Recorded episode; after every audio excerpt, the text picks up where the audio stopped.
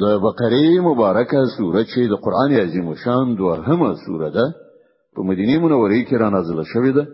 280 مبارک آیاتونه لري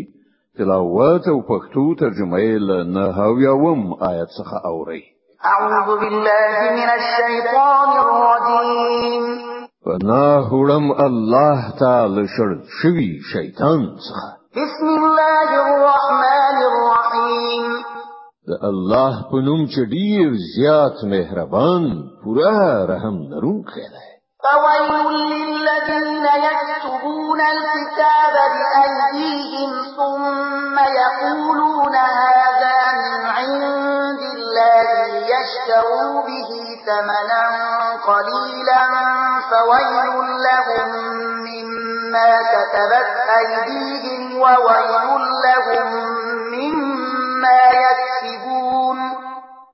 نو هلاکت او تباهی ده د هغو کسانو لپاره چې په خپل لاسونو د شر لیکنه کوي او بیا خلکو ته وایي دا د الله څخه راغلی ده ترڅو د هغې په بدل کې لږ غونډه ګټه په لاس راوړي نو هلاکت ته دوی ته په سبب د هغه چې د دوی لاسونه یې لیکي او هلاکت ته دوی ته په سبب د هغه څه چې تر لاسه کړی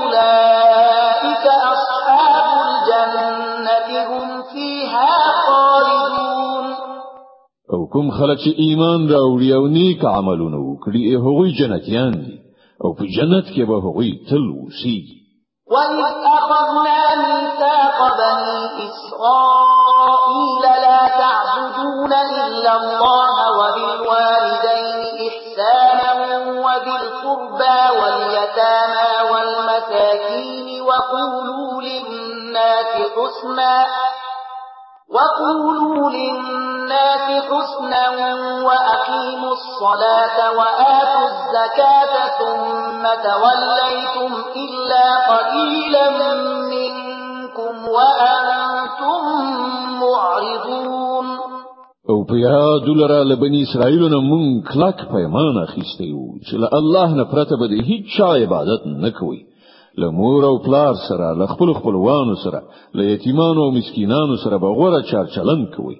خلکو ته به ښې خبرې کوي لمونځ کوي او زکات ورکوي خو له لږ کسانو پرته نور تاسو ټول لري پیمان نه واوښتلی او اوس هم مخړون کیږي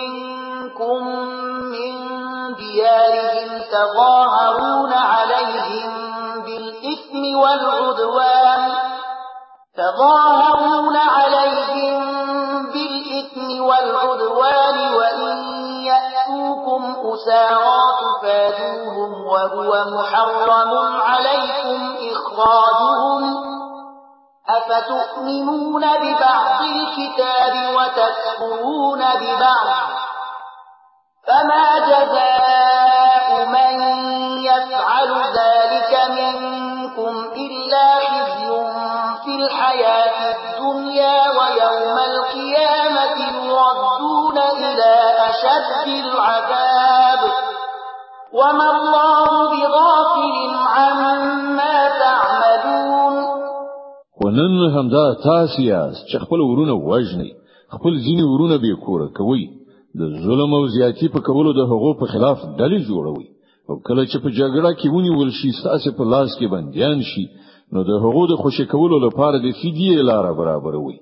په داسې حال کې چې له کورونو څخه د هغو ایستل لاله سره پر تاسو حرام نو آیا تاسو د کتاب په یو برخه ایمان راوړی او په بل برخه کافر کیږئ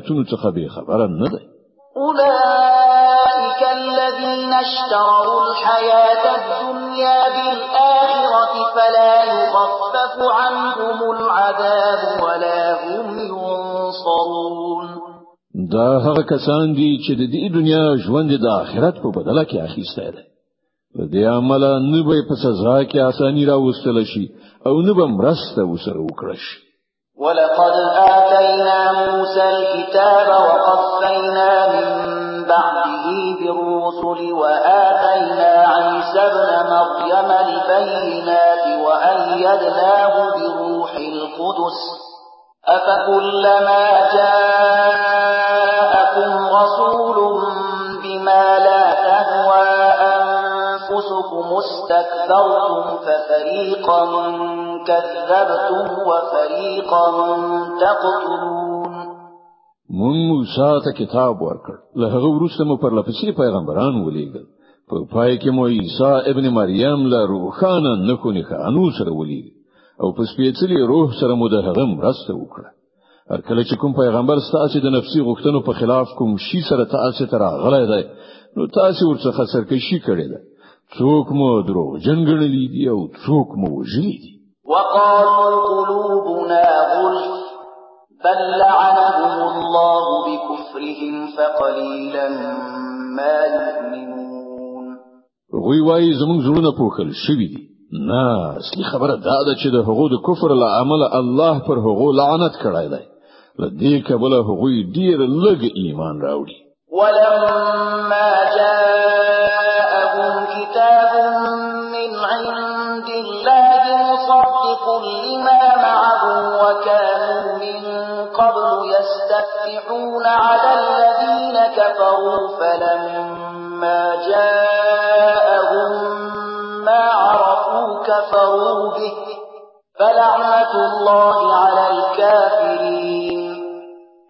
او اوس چې کتاب هغه ته د الله له لوري راغلی دی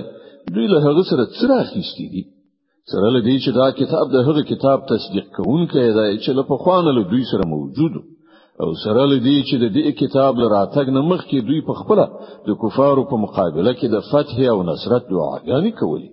او کله چې هغه کتاب راغی چې وی پیژاند هم نو د هغه له منلو یې انکار وکړ د خدای لعنت دی وی په دې منکران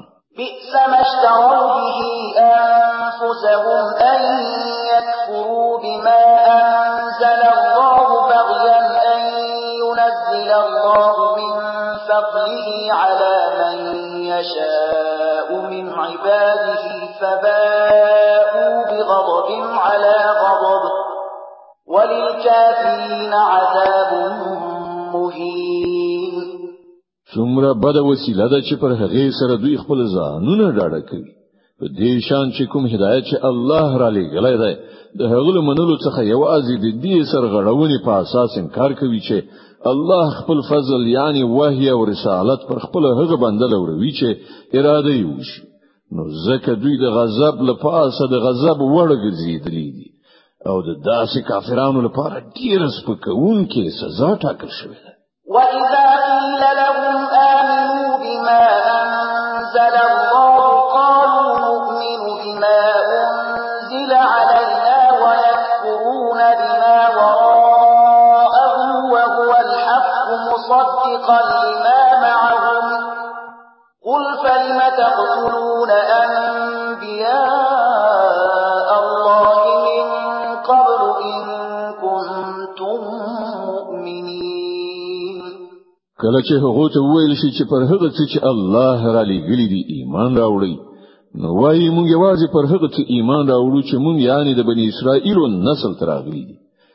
لدی ساحې د باندې چې هر څه راغلي دي د هغو لمنلو نه انکار کوي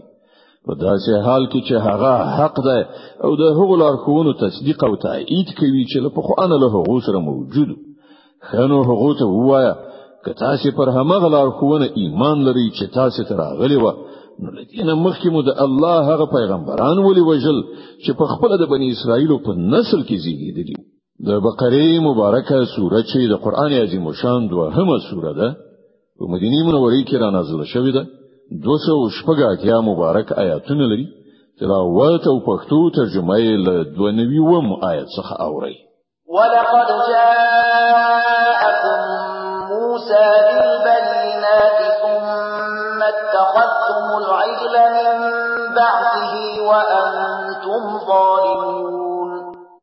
تاسو ته موسی له ډول ډول روخانه نښانو سره راغی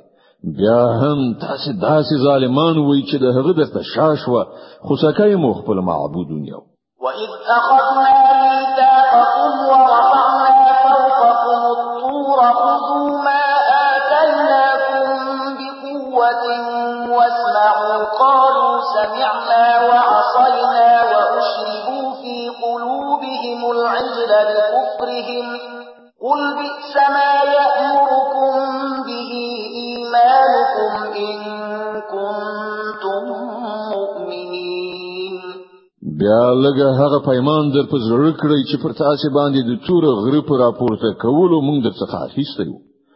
مونږ تاکید کړی و چې کوم هدایت در لیږو پر هغو په کلک عمل وکړي او غوږ ورته کېږدي وای وری ستاسو پلرونو نیکونو وویل چې مونږ واورېدل خو مونږ نه منل او وی داسې باطل پرستانو چې په زړونو کې د خوسکی مینه ناشته و وای که تاسو مؤمنان یې نو دا عجیب ایمان دی چې تاسو ته د داسې ناکاره حرکتونو امر کوي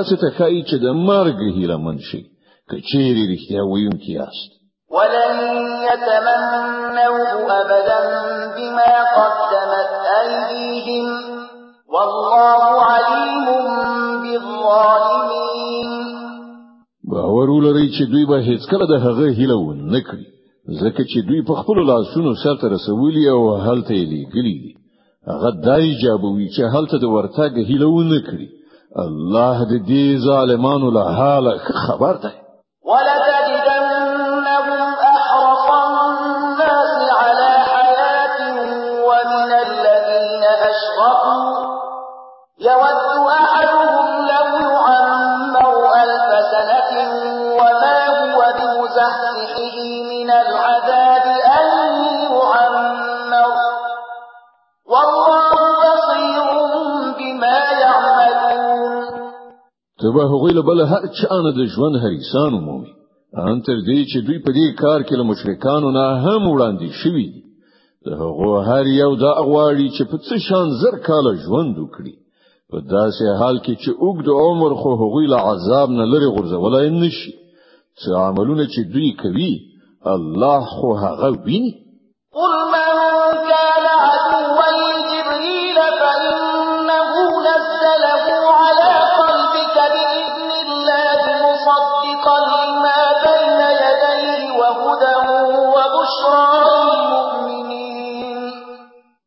دوی ته وایي چې کوم څوک چې له جبرائیل سره دښمنی لري هغه دې په دې وپوهیږي چې جبرائیل د الله په اجازه دا قران ستاز رته رسولای دی چې د خوانیو راغلیو کتابونو تصدیق او تایید کوي او د مؤمنانو لپاره لارښودنه او د بری د زیری په توګه راغلی دی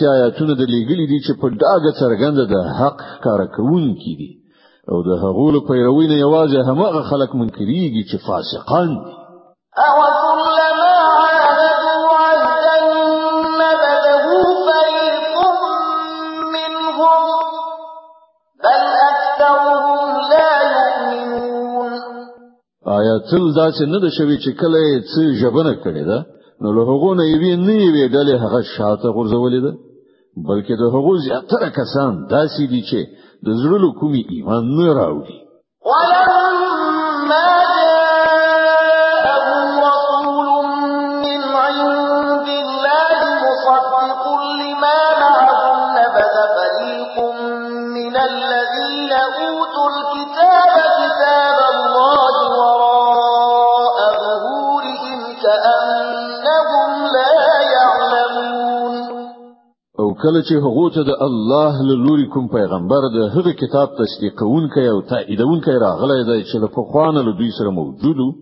نو له دې اهل کتابونه یې ډلې د الله کتاب په داسې شان شاته وغورځاو لکه چې دوی په هیڅ نه پوهیږي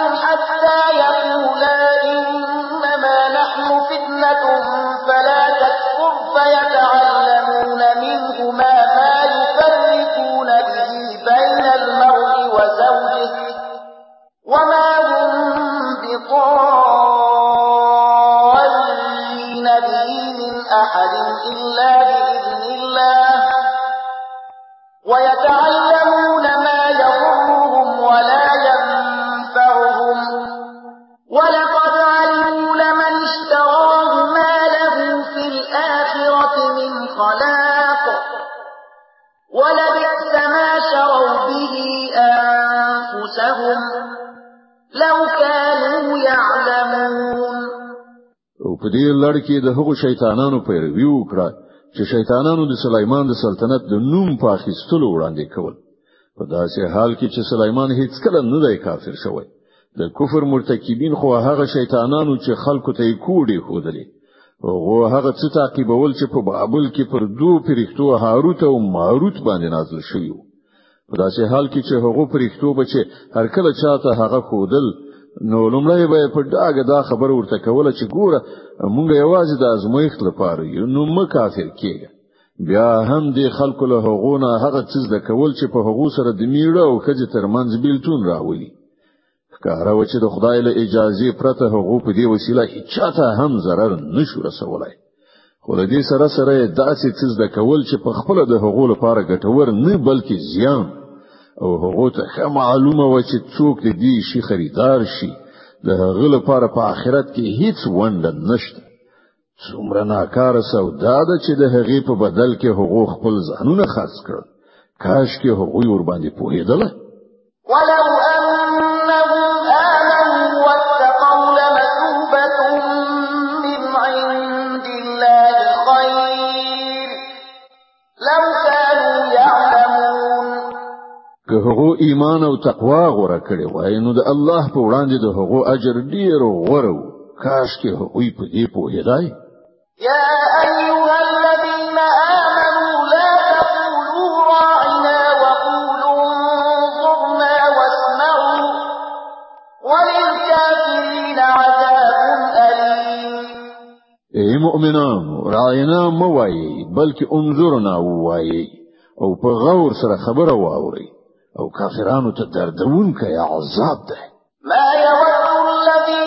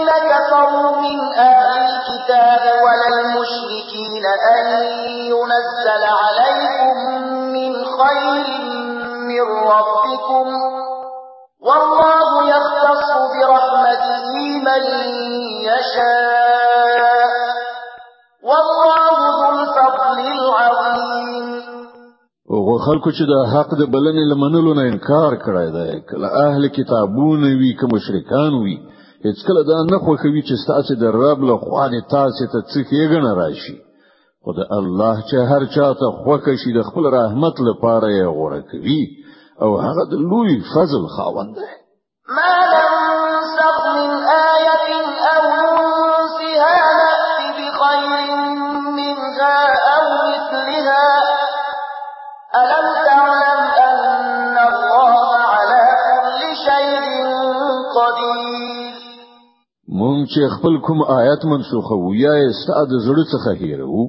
د هغه په ځای له هغه نه خراوړو یا لکتر لګا هم مغسی آیات په دې نه پوهیږي چې الله په هر څه قادر دی الم تعلم ان الله له ملك السماوات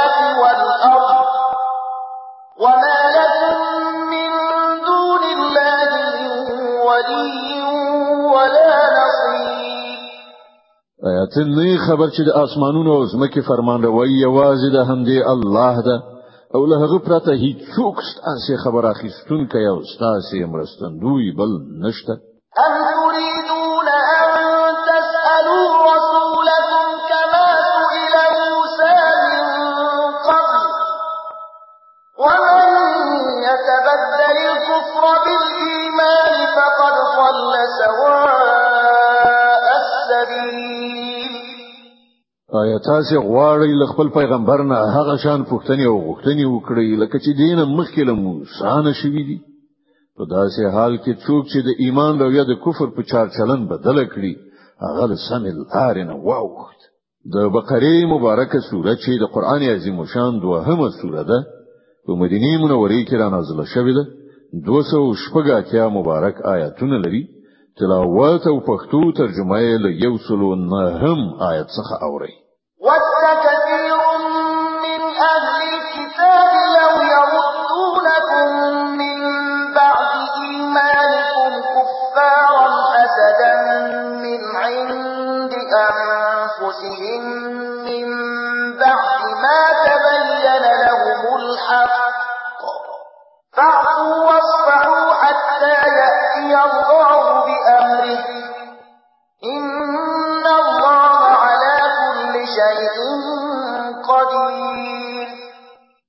زیاتره اهل کتاب دا غواړي چې په یو ډول نه یو ډول تاسو له ایمانه بیرته د کفر لوري ته وګرځي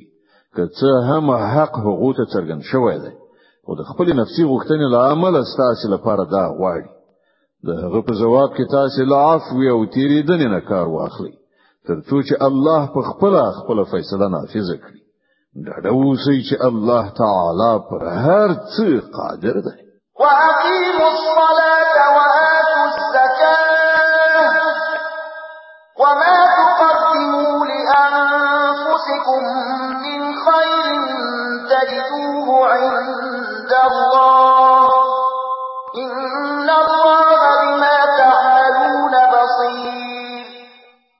لمونځ قائم کړئ زکات ورکړئ تاسو چې د خپل عاقبت لپاره څنی کی سرته ورسوي وړاندې ولېږي د الله په وړاندې به هغه موجودي ومومي څه چې تاسو کړی وي الله د هغو ټول لیدونکی دی وقالوا لن يدخل الجنة إلا من كان هودا أو نصارا تلك أمانيهم قل هاتوا برهانكم إن كنتم صادقين هو دا وینا ده چې هیڅ څوک به جنت ته لاړ نشي تر څو چې هغه يهودي نه وي یا د عیسایانو د ګمان لمخې عیسائی نه وي دا د هغو هیلې دي دوی ته وایه خپل دلیل وړاندې کړئ که تاسو په خپل دعوا کې رښتینی یاست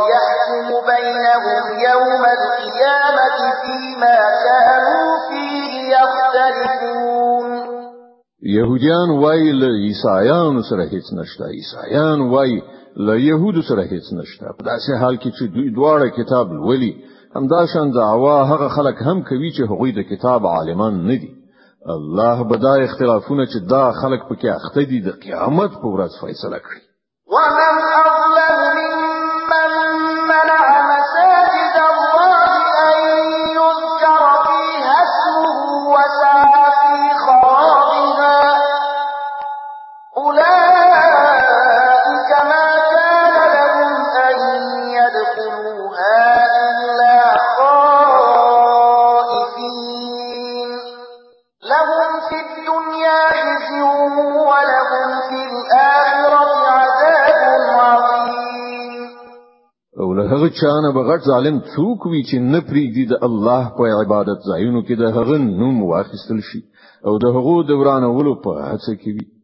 دا چې خلک د دې وړ نه دي چې په دې عبادت ځایونو کې قدم کیږي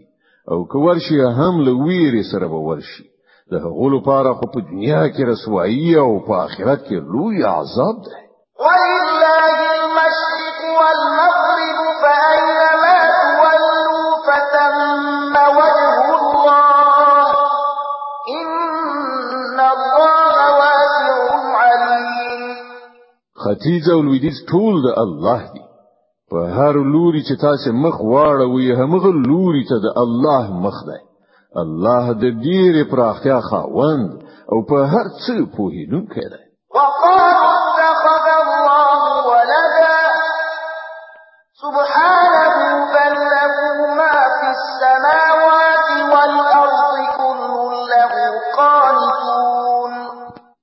هغه وایي چې الله څوک په زوی ولې سره نیولای دی الله لدی خبرو پاک دی اصلي حقیقت دا دی چې د زمکه او اسمانونو ټول هستی د هغه دی ټول د هغه د امر منونکي دي بديع السماوات والأرض وإذا قضى أمرا فإنما يقول له كن فيكون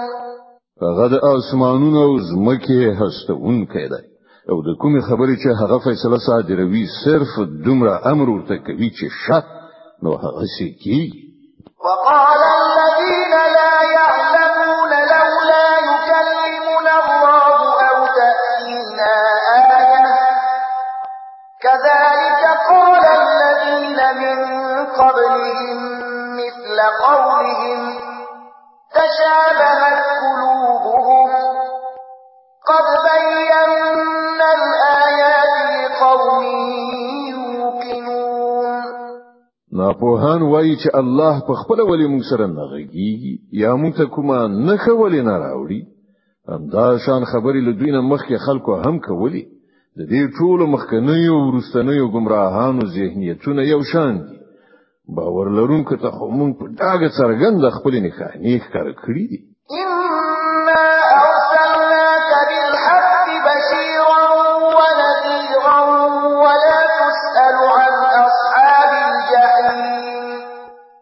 مونږ ته د حقایق له علم سره زیری ورکوونکی او ویرونکی لګلای او د دوزخ د خاوندانو په حق لا ته نه پوښتل کیږي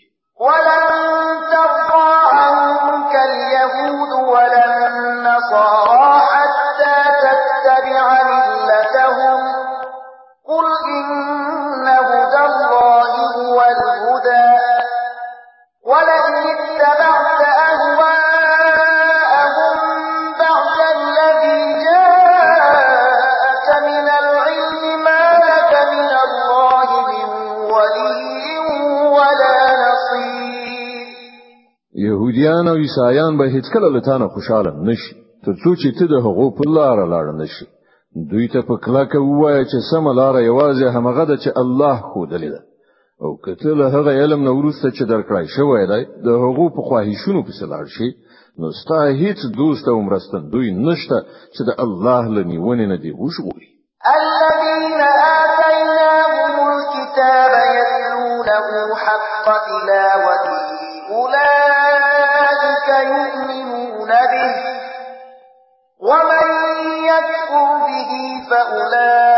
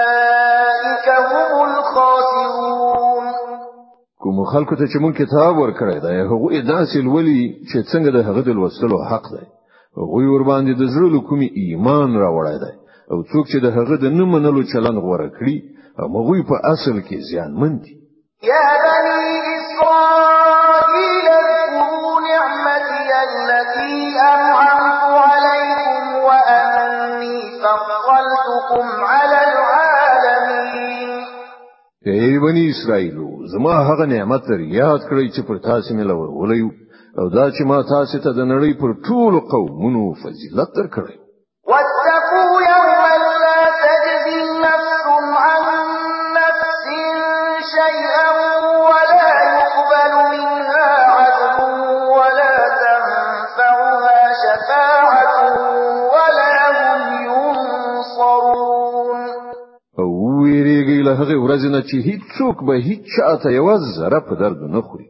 نه بل چانه فدیه قبول کړای شي نه به کوم سپارښت انسان ته ګټه ورسوي او نه به ګناهکارانو ته له کومې خوانه څه مرسته ورسېدای شي د بقره مبارکه سوره چې د قران عظیم شان دوهمه سوره ده په مدینه منوره کې را نازله شوې ده 280 مبارک آیاتونه لري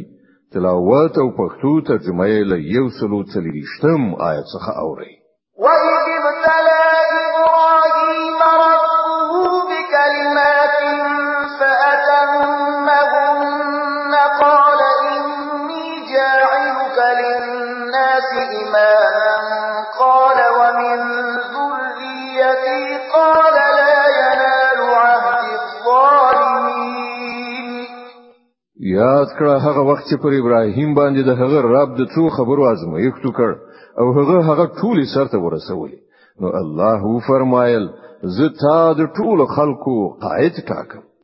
ابراهیم عرض وکړ او آیا زما اولادې سره هم همدا وعده ده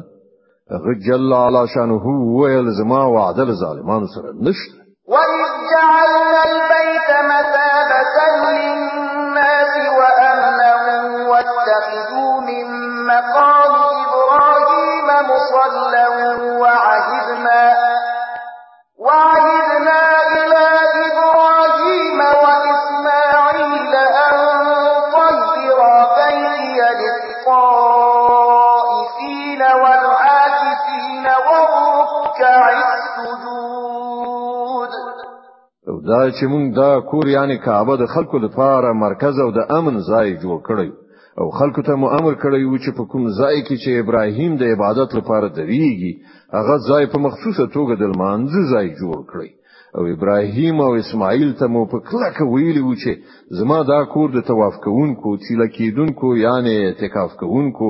او رکوع او سجده کوونکو لپاره ستر کړی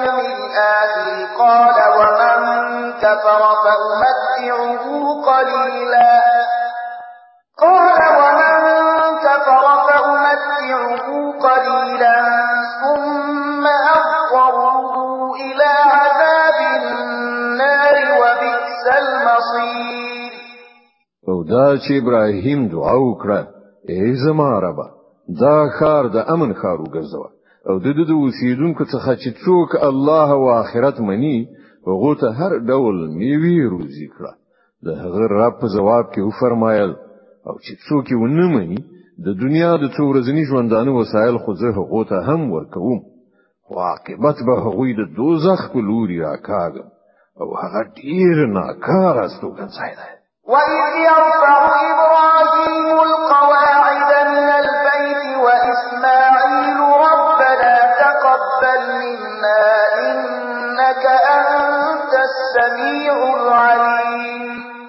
او دریاد کړه چې کله ابراهیم او اسماعیل د دې کور دیوالونه پورته کول نو دعا یې کوله ای زمونږ رب لمونږ له دا خدمت قبول کړه ته د هر څه اوریدونکې او په ټولو شیانو پوهیدونکې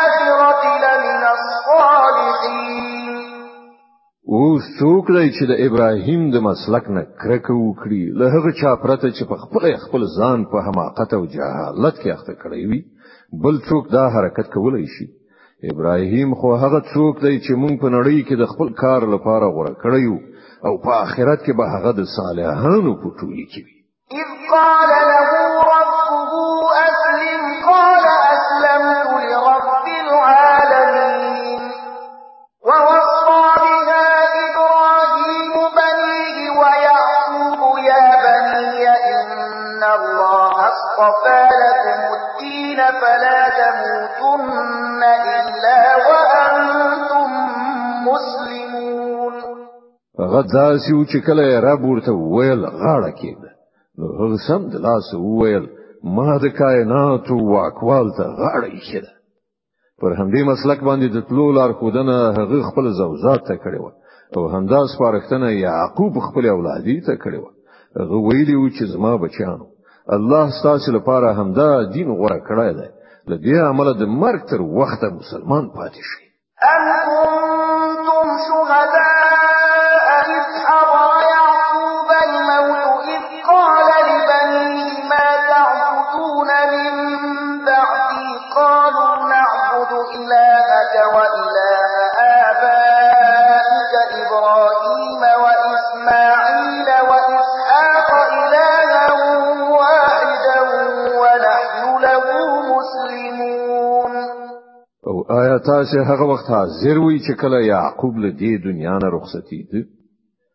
د مرګ په وخت کې له خپل بچانو نه پوښتنه وکړه بچانو له ما ورسته به تاسو د چا بندگی کوئ هغه ټول په جواب کې وویل مونږ به د همغه یو خدای بندگی کوو چې هغه تا او ستا پلرونو نیکونو ابراهیم اسماعیل او اسحاق په خدای منلای دی او مونږ همغه ته غاړه یې ښودونکي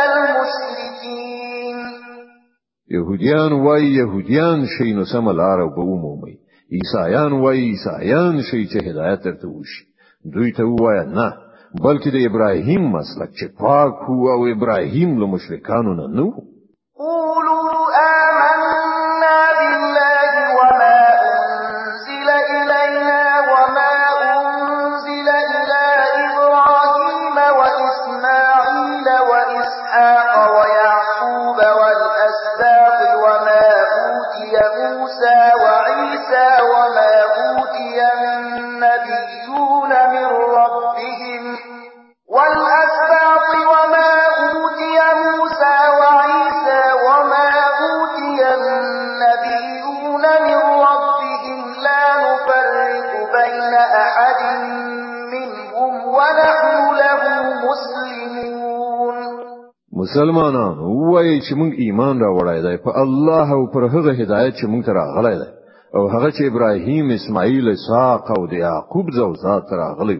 او هغه چې موسی عیسی او نور ټول پیغمبرانو ته د هغو د رب له لوري ورکړی شوی موږ د هغو په منځ کې هیڅ توپیر نه کوو او موږ الله ته سرټیټونکي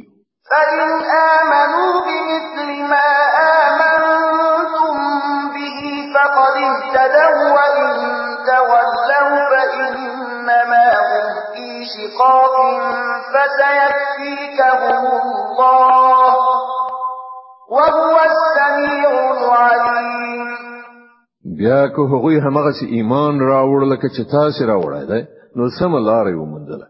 او کله هغه نه مخ واړوي نو څرګنده خبره ده چې هغوی په ځیلی توب یعنی شقاوت کې نه ختي لدې عمل ډاډه اوسئ چې د هغو په مقابل کې الله ستاسو د ملاتړ لپاره کافي دی هغه هرڅ اوري او پر ټولو شیانو پوهیږي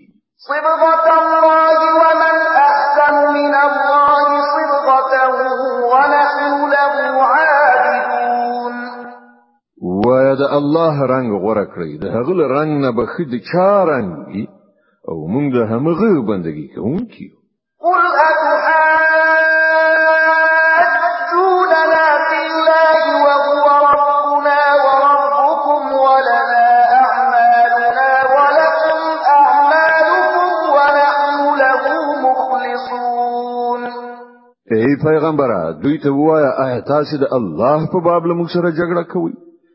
په داسې حال کې چې همغه هم زمونږ رب دی او هم ستاسو زمونږ عملونه زمونږ او ستاسو عملونه ستاسو لپاره دي او مونږ خپل بندگی یوازې د الله لپاره خالصه کړې ده ان تقولون ان ابراهيم واسماعيل واسحاق ويعقوب والاسباط كانوا هودا او نصارا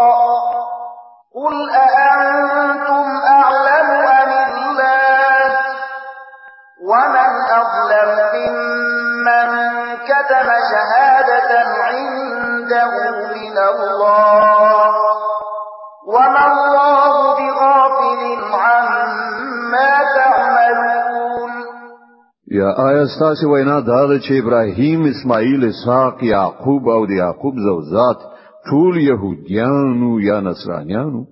و تاسو ډیر ښه پوهیږئ ک الله له هغه چانه بل لوی ظالم بل څوک وي چې د الله له لوري هغه ته د شاهدۍ ذمہ واری ورلغاړي شوی وي او هغه پټ کړی